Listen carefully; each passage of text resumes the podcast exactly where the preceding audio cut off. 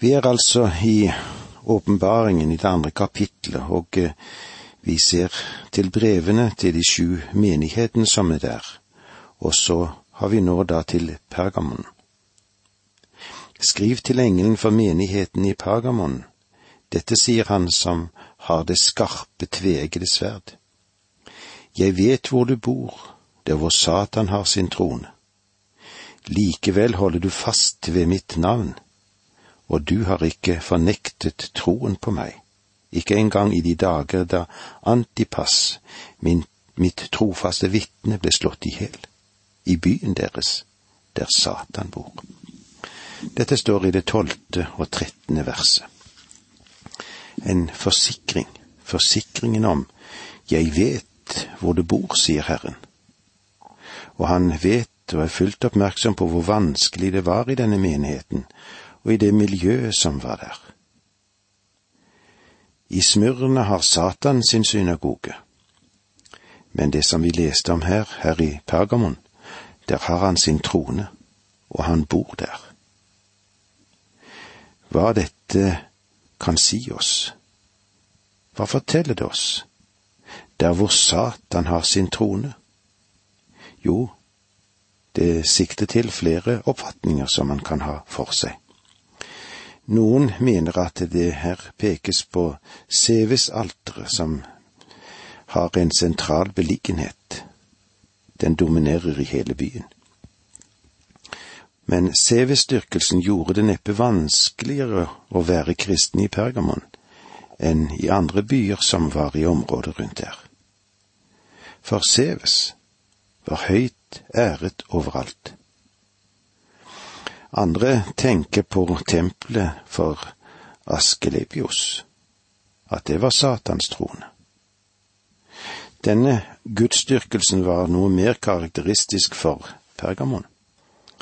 Askepilos symbol, det var en slange, det, som snodde seg oppover en stav, og slangen slik som vi her det, har det for oss her, er de kristne sin satanssymbol som vi òg kan se i det tolvte kapitlet vers ni. Den store drage ble styrtet, den gamle slange, han som kaltes djevelen og Satan, og som forfører hele verden.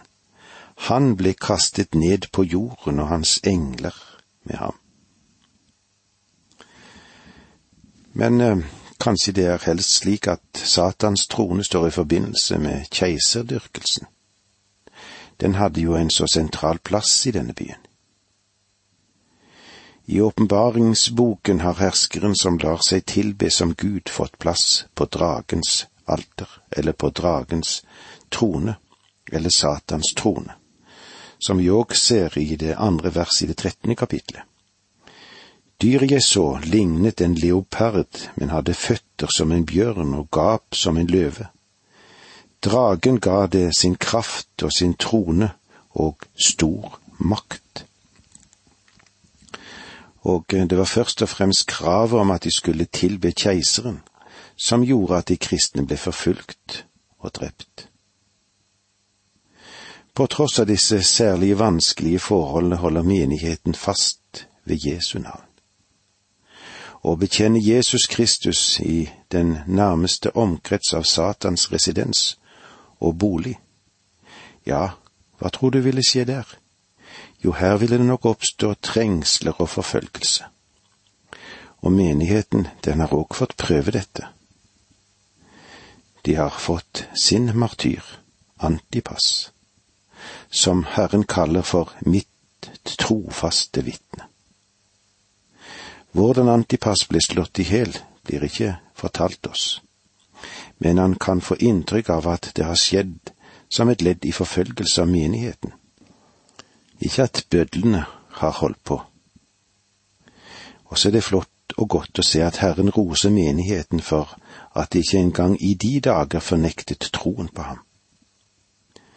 De har altså både vist og viser fremdeles fasthet i troen og bekjennelsen, tross fiendskap og trengsler fra verdens side.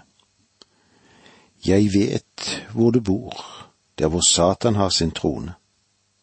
Likevel holder du fast ved mitt navn, og du har ikke fornektet troen på meg, ikke engang i de dager da Antipas, mitt trosfaste vitne, ble slått i hjel i byen deres, der Satan bor. Vi skal òg legge merke til at det er to andre tempelområder som er spesielt iøynefallende. Det ene er Dionysus-tempelet. Det ligger ved siden av teateret, det. Dionysus er den samme som Bakkus, vinguden, og guden med geitekroppen. Han blir fremstilt med horn. en øverste del, der ser vi en menneskekropp, og den nederste delen er altså en geitekropp med klover og hale. I våre dager er det mer i pakt med fremstilling av djevelen med horn og klover. Men dette bildet stammer ikke helt ifra Bibelen. Hvor kommer det fra? Kanskje det kan ha sin opprinnelse i Dinosausus-tempelet. Tempelet innviet til Bakkus, alkoholguden fremfor noen. Alkohol har revet til seg mer oppmerksomhet og bundet flere slaver til seg enn noen annen gudeskikkelse av satanisk karakter. Det andre mektige tempelet var for guden Asklepios. Knyttet til dette tempelet var det størst og mest fremstående hospital i den gamle verden.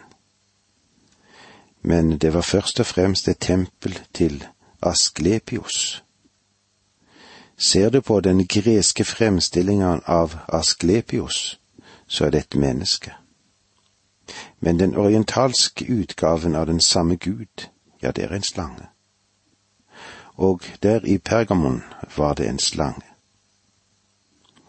Dette tempelet var utsmykket med mange slangesymboler, og tempelet var rundt, og det var jo helt uvanlig. Og her tok de i bruk mange helbredende urter men også trolldom og psykologi. Forsøk å tenke deg inn i denne følgende situasjon. Du går gjennom lange tunneler, og over deg er hyller som ser ut som luftehyller. Men det er ikke det de har tenkt til. Når du går gjennom disse tunnelene, så er det hese, sensuelle stemmer som taler til deg gjennom disse hullene og sier til deg. Du skal bli frisk. Du skal kjenne deg bedre. Du blir helbredet. Er ikke det egentlig et moderne tilsnitt, dette? Du går videre ned til de varme bad, og der får du massasje. Og der er også et lite teater der de fremfører skuespill om mennesker som blir helbredet. Om du til nå ikke er blitt helbredet, så har de siste utvei funnet her ved at de stenger deg inn i tempelet en natt og slipper løs en masse ikke giftige slanger som kryper over deg. Det er kjent som sjokkbehandling det i våre dager. Og om ikke det helbreder deg, så driver de deg til vanvidd. Det er vel sikkert nok. Her finnes også en bakdør der de kjører ut de døde. De nevner ikke dem som ikke ble helbredet. De snakker bare om dem som er blitt bedre. Keiser Augustus, han elsket å komme hit. Han var egentlig ikke syk, men det han var, han var alkoholiker. Og her tørket de han opp hvert år når han kom tilbake fra felttog. Dette var et fenomenalt sted og i 700 år var det et hospital dit mennesker kom fra hele verden. Får jeg lov til å understreke for dere at helbredelse var satanisk på den tiden. Det er ikke tvil om at det fantes gode menn der også som brukte medisin, men grunnlagsfilosofien, den var satanisk. Det var her Satans trone var, og det er det viktig å se, og ha dette klart for seg Satans trone. Det var så langt vi kom i dag. Takk for nå, må Gud være med deg. Dette undervisningsprogrammet består av to deler. Åge Nevland fortsetter nå med andre del av dagens undervisning. Vi er i Johannes' åpenbaring. Vi eh, er i det andre kapitlet, og eh, vi vil nå i noen programmer fremover stoppe opp for brevet til de sju menighetene som vi har der. Vi har vært innom Efesos. Vi er fortsatt i Pergamon og vi leser sammen fra det trettende verset. Jeg vet hvor du bor, der hvor Satan har sin trone. Likevel holder du fast ved mitt navn, og du har ikke fornektet troen på meg. Ikke engang i de dager da Antipas, mitt trofaste vitne, ble slått i hele byen deres, der Satan bor. Vi møter altså en rosende omtale til de troende i Pergamon. Du holder fast ved mitt navn. De var trofast når det gjaldt å forsvare Kristi guddom. Som jeg har sagt tidligere, så er menigheten i Pergamon representativ for kirken generelt sett. I perioden året fra 314 til år 590 så var dette slik som kirken var. Faktisk så var det en tidsalder der veldige troskjemper sto frem. Da kjetteren Arian sto frem, som fornektet Kristi guddom, da var Ratanasius fra Nord-Afrika den store forsvareren av troen. Og det var hans fortjeneste at kirkemøtet i Nikea i år 325 fordømte arianismen. En annen av disse store heltene var Augustin, som gav svar på kjetteriet under Penagius, han som fornekte syndens rot og menneskenaturens totale fordervelse, og også fornektet Guds veldige nåde. Disse mektige troens forkjempere sto frem urokkelig for kirkens sanne lære i denne tid og du har ikke fornektet troen på meg. Det henviser til den apostoliske overlevering som kristne har som sitt grunnlag. Og så til slutt. Ikke engang i de dager da Antipas, mitt trofaste vitne, ble slått i hele byen deres. Antipas var en matyr. Vi vet svært, svært lite om ham men det virker som om at han var den første martyr i Pergamon, og at mange, mange martyrer senere fulgte etter ham. Så langt har Kristus bare gitt menigheten i Pergamon rosenord, men nå har han to ting i denne menigheten som han setter fingeren på, og han kan ikke akseptere det. Vi leser vers 14 og 15. Men noe har jeg imot deg. Du har hos deg noen som holder seg til Biliams lære. Han som lærte Ballak hvordan israelittene skulle lokkes til synd, så de spiste avgudsoffer og drev hor. Også du har noen hos deg av samme slag, de som holder seg til nikoalittenes lære. Her er det altså to forhold som Herren påpekte, og det var Biliams lære og nikolaittenes lære. Biliams lære den er noe forskjellig fra Biliams forvillelse som vi ser i Judabrevet i det ellevte verset der, som gikk ut på at Biliam trodde at Gud ville forbanne Israel fordi de var syndere og den er også forskjellig fra Biliams vei, slik som vi kan se det i 2. Peter 2,15, som var begjær. Men her i dette verset tales det til oss om Biliams lære. Han lærte Ballak måten han skulle bryte Israel ned på gjennom det han aktualiserte gjennom ekteskap med den moabittiske kvinnen og dette førte både til avgudsdyrkelse og hor inn i Israel. Og under denne historiske perioden som menigheten i Pergamon representerer, kommer den uomvendte verden inn i kirken. Nikolaittenes lære Vi har tidligere sett at menigheten i Efesos hatet dem, men her i Pergamon, det var noen som holdt fast ved denne lære. Selv om vi ikke vet nøyaktig hva læren gikk ut på, så er det sannsynlig at det var en gnostnisk kult utviklet av Nikolaus, som forsvarte løssluppenhet i spørsmål om kristen livsstil. Sterkt lederstyrt, der det allmenne prestedømmet av de troende ble satt til side. Kristus sier at han avskyr dem. Her ser du baksiden av kjærlighet, det er avsky. Og jo høyere og edlere kjærligheten er, jo dypere er den avsky som ødelegger formålet for denne kjærligheten. Det er best at vi er varsomme, så vi ikke bedriver det han avskyr.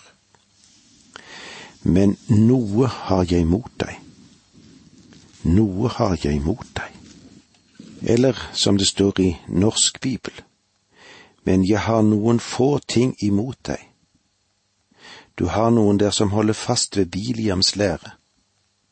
Han som lærte Balak å legge anstøt for Israels barn og ete avguds offer og dyrke hor.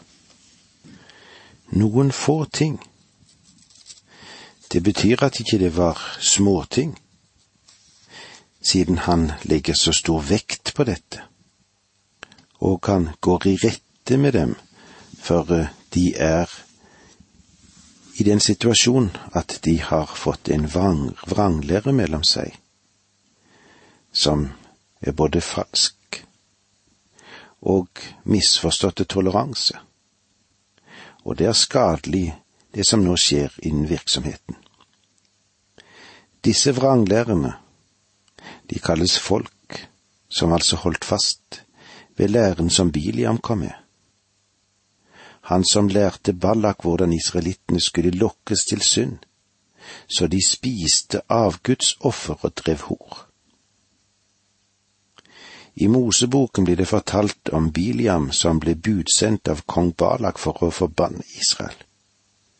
Og så skjedde det at Biliam kom, lokket av kongens rike gaver.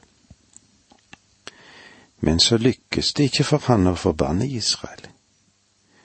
Guds ånd tok makten over ham, så han i stedet for dette måtte velsigne dem. Etter det ser det ut til at Biliam har gitt kongen det råd at de meditianske kvinner skulle lokke Israels menn til å delta i de hedenske offerfester, og den utukt som fulgte med disse og dermed ville Israel miste Guds velsignelse og kommer inn under hans frede. Denne fellen viser seg å være farlig. I vers 15 så så vi det sto slik, også du har noen hos deg av samme slag, de som holder seg til nikoalittenes lære. To slag. Det er ikke tale om to partier her men om to betegnelser for den samme fraksjon av vranglærere. I de hedningekristne menighetene representerte både avgudsofrene og utukten det var en sterk fristelse. Paulus kunne nok tillate de kristne å kjøtt av offerdyr når dette kjøttet ble solgt på torget, men å delta i ofringer, det forbyr han på det mest avgjorte. Vi ser hvordan Nikolaitene satte inn med sin avvikende lære, som vel har gått ut på en så ensidig betoning av den kristnes frihet fra loven, at den i sin konsekvens førte kristen til å bryte både med det første og det sjette budet. Til menigheten i Efesos der har Herren noen anerkjennende ord. Den ros skal du ha, at du hater nikolaittenes gjerning slik jeg selv gjør. Men eh, Ser vi så inn i Pergamon, så savner han noe av dette, den renhet i lære og liv som de burde ha, og de burde våke å ha et våkent vakthold mot villfarelsen som kommer. Den ytre trussel fra Satans trone kan også ha blitt et påskudd til å holde fred i menighetene, eller i menigheten. Så fikk da disse som var der, nikolaitene virke i fred, med den måten som de brøt ned læren på, uten at det ble tatt opp noen kamp med de. Men det er en fred som Herren ikke vil ha i sin menighet, en farlig fred. Den ro skal du ha, sa han til menigheten i Efesos, at du hater nikolaitenes gjerninger slik jeg selv gjør. Må vi være våkne for dette, vi som lever i dag. Hva er faremomentet i vår menighet, i vårt eget kristent liv? Det var så langt vi kom i dag. Takk for nå, må Gud være med deg.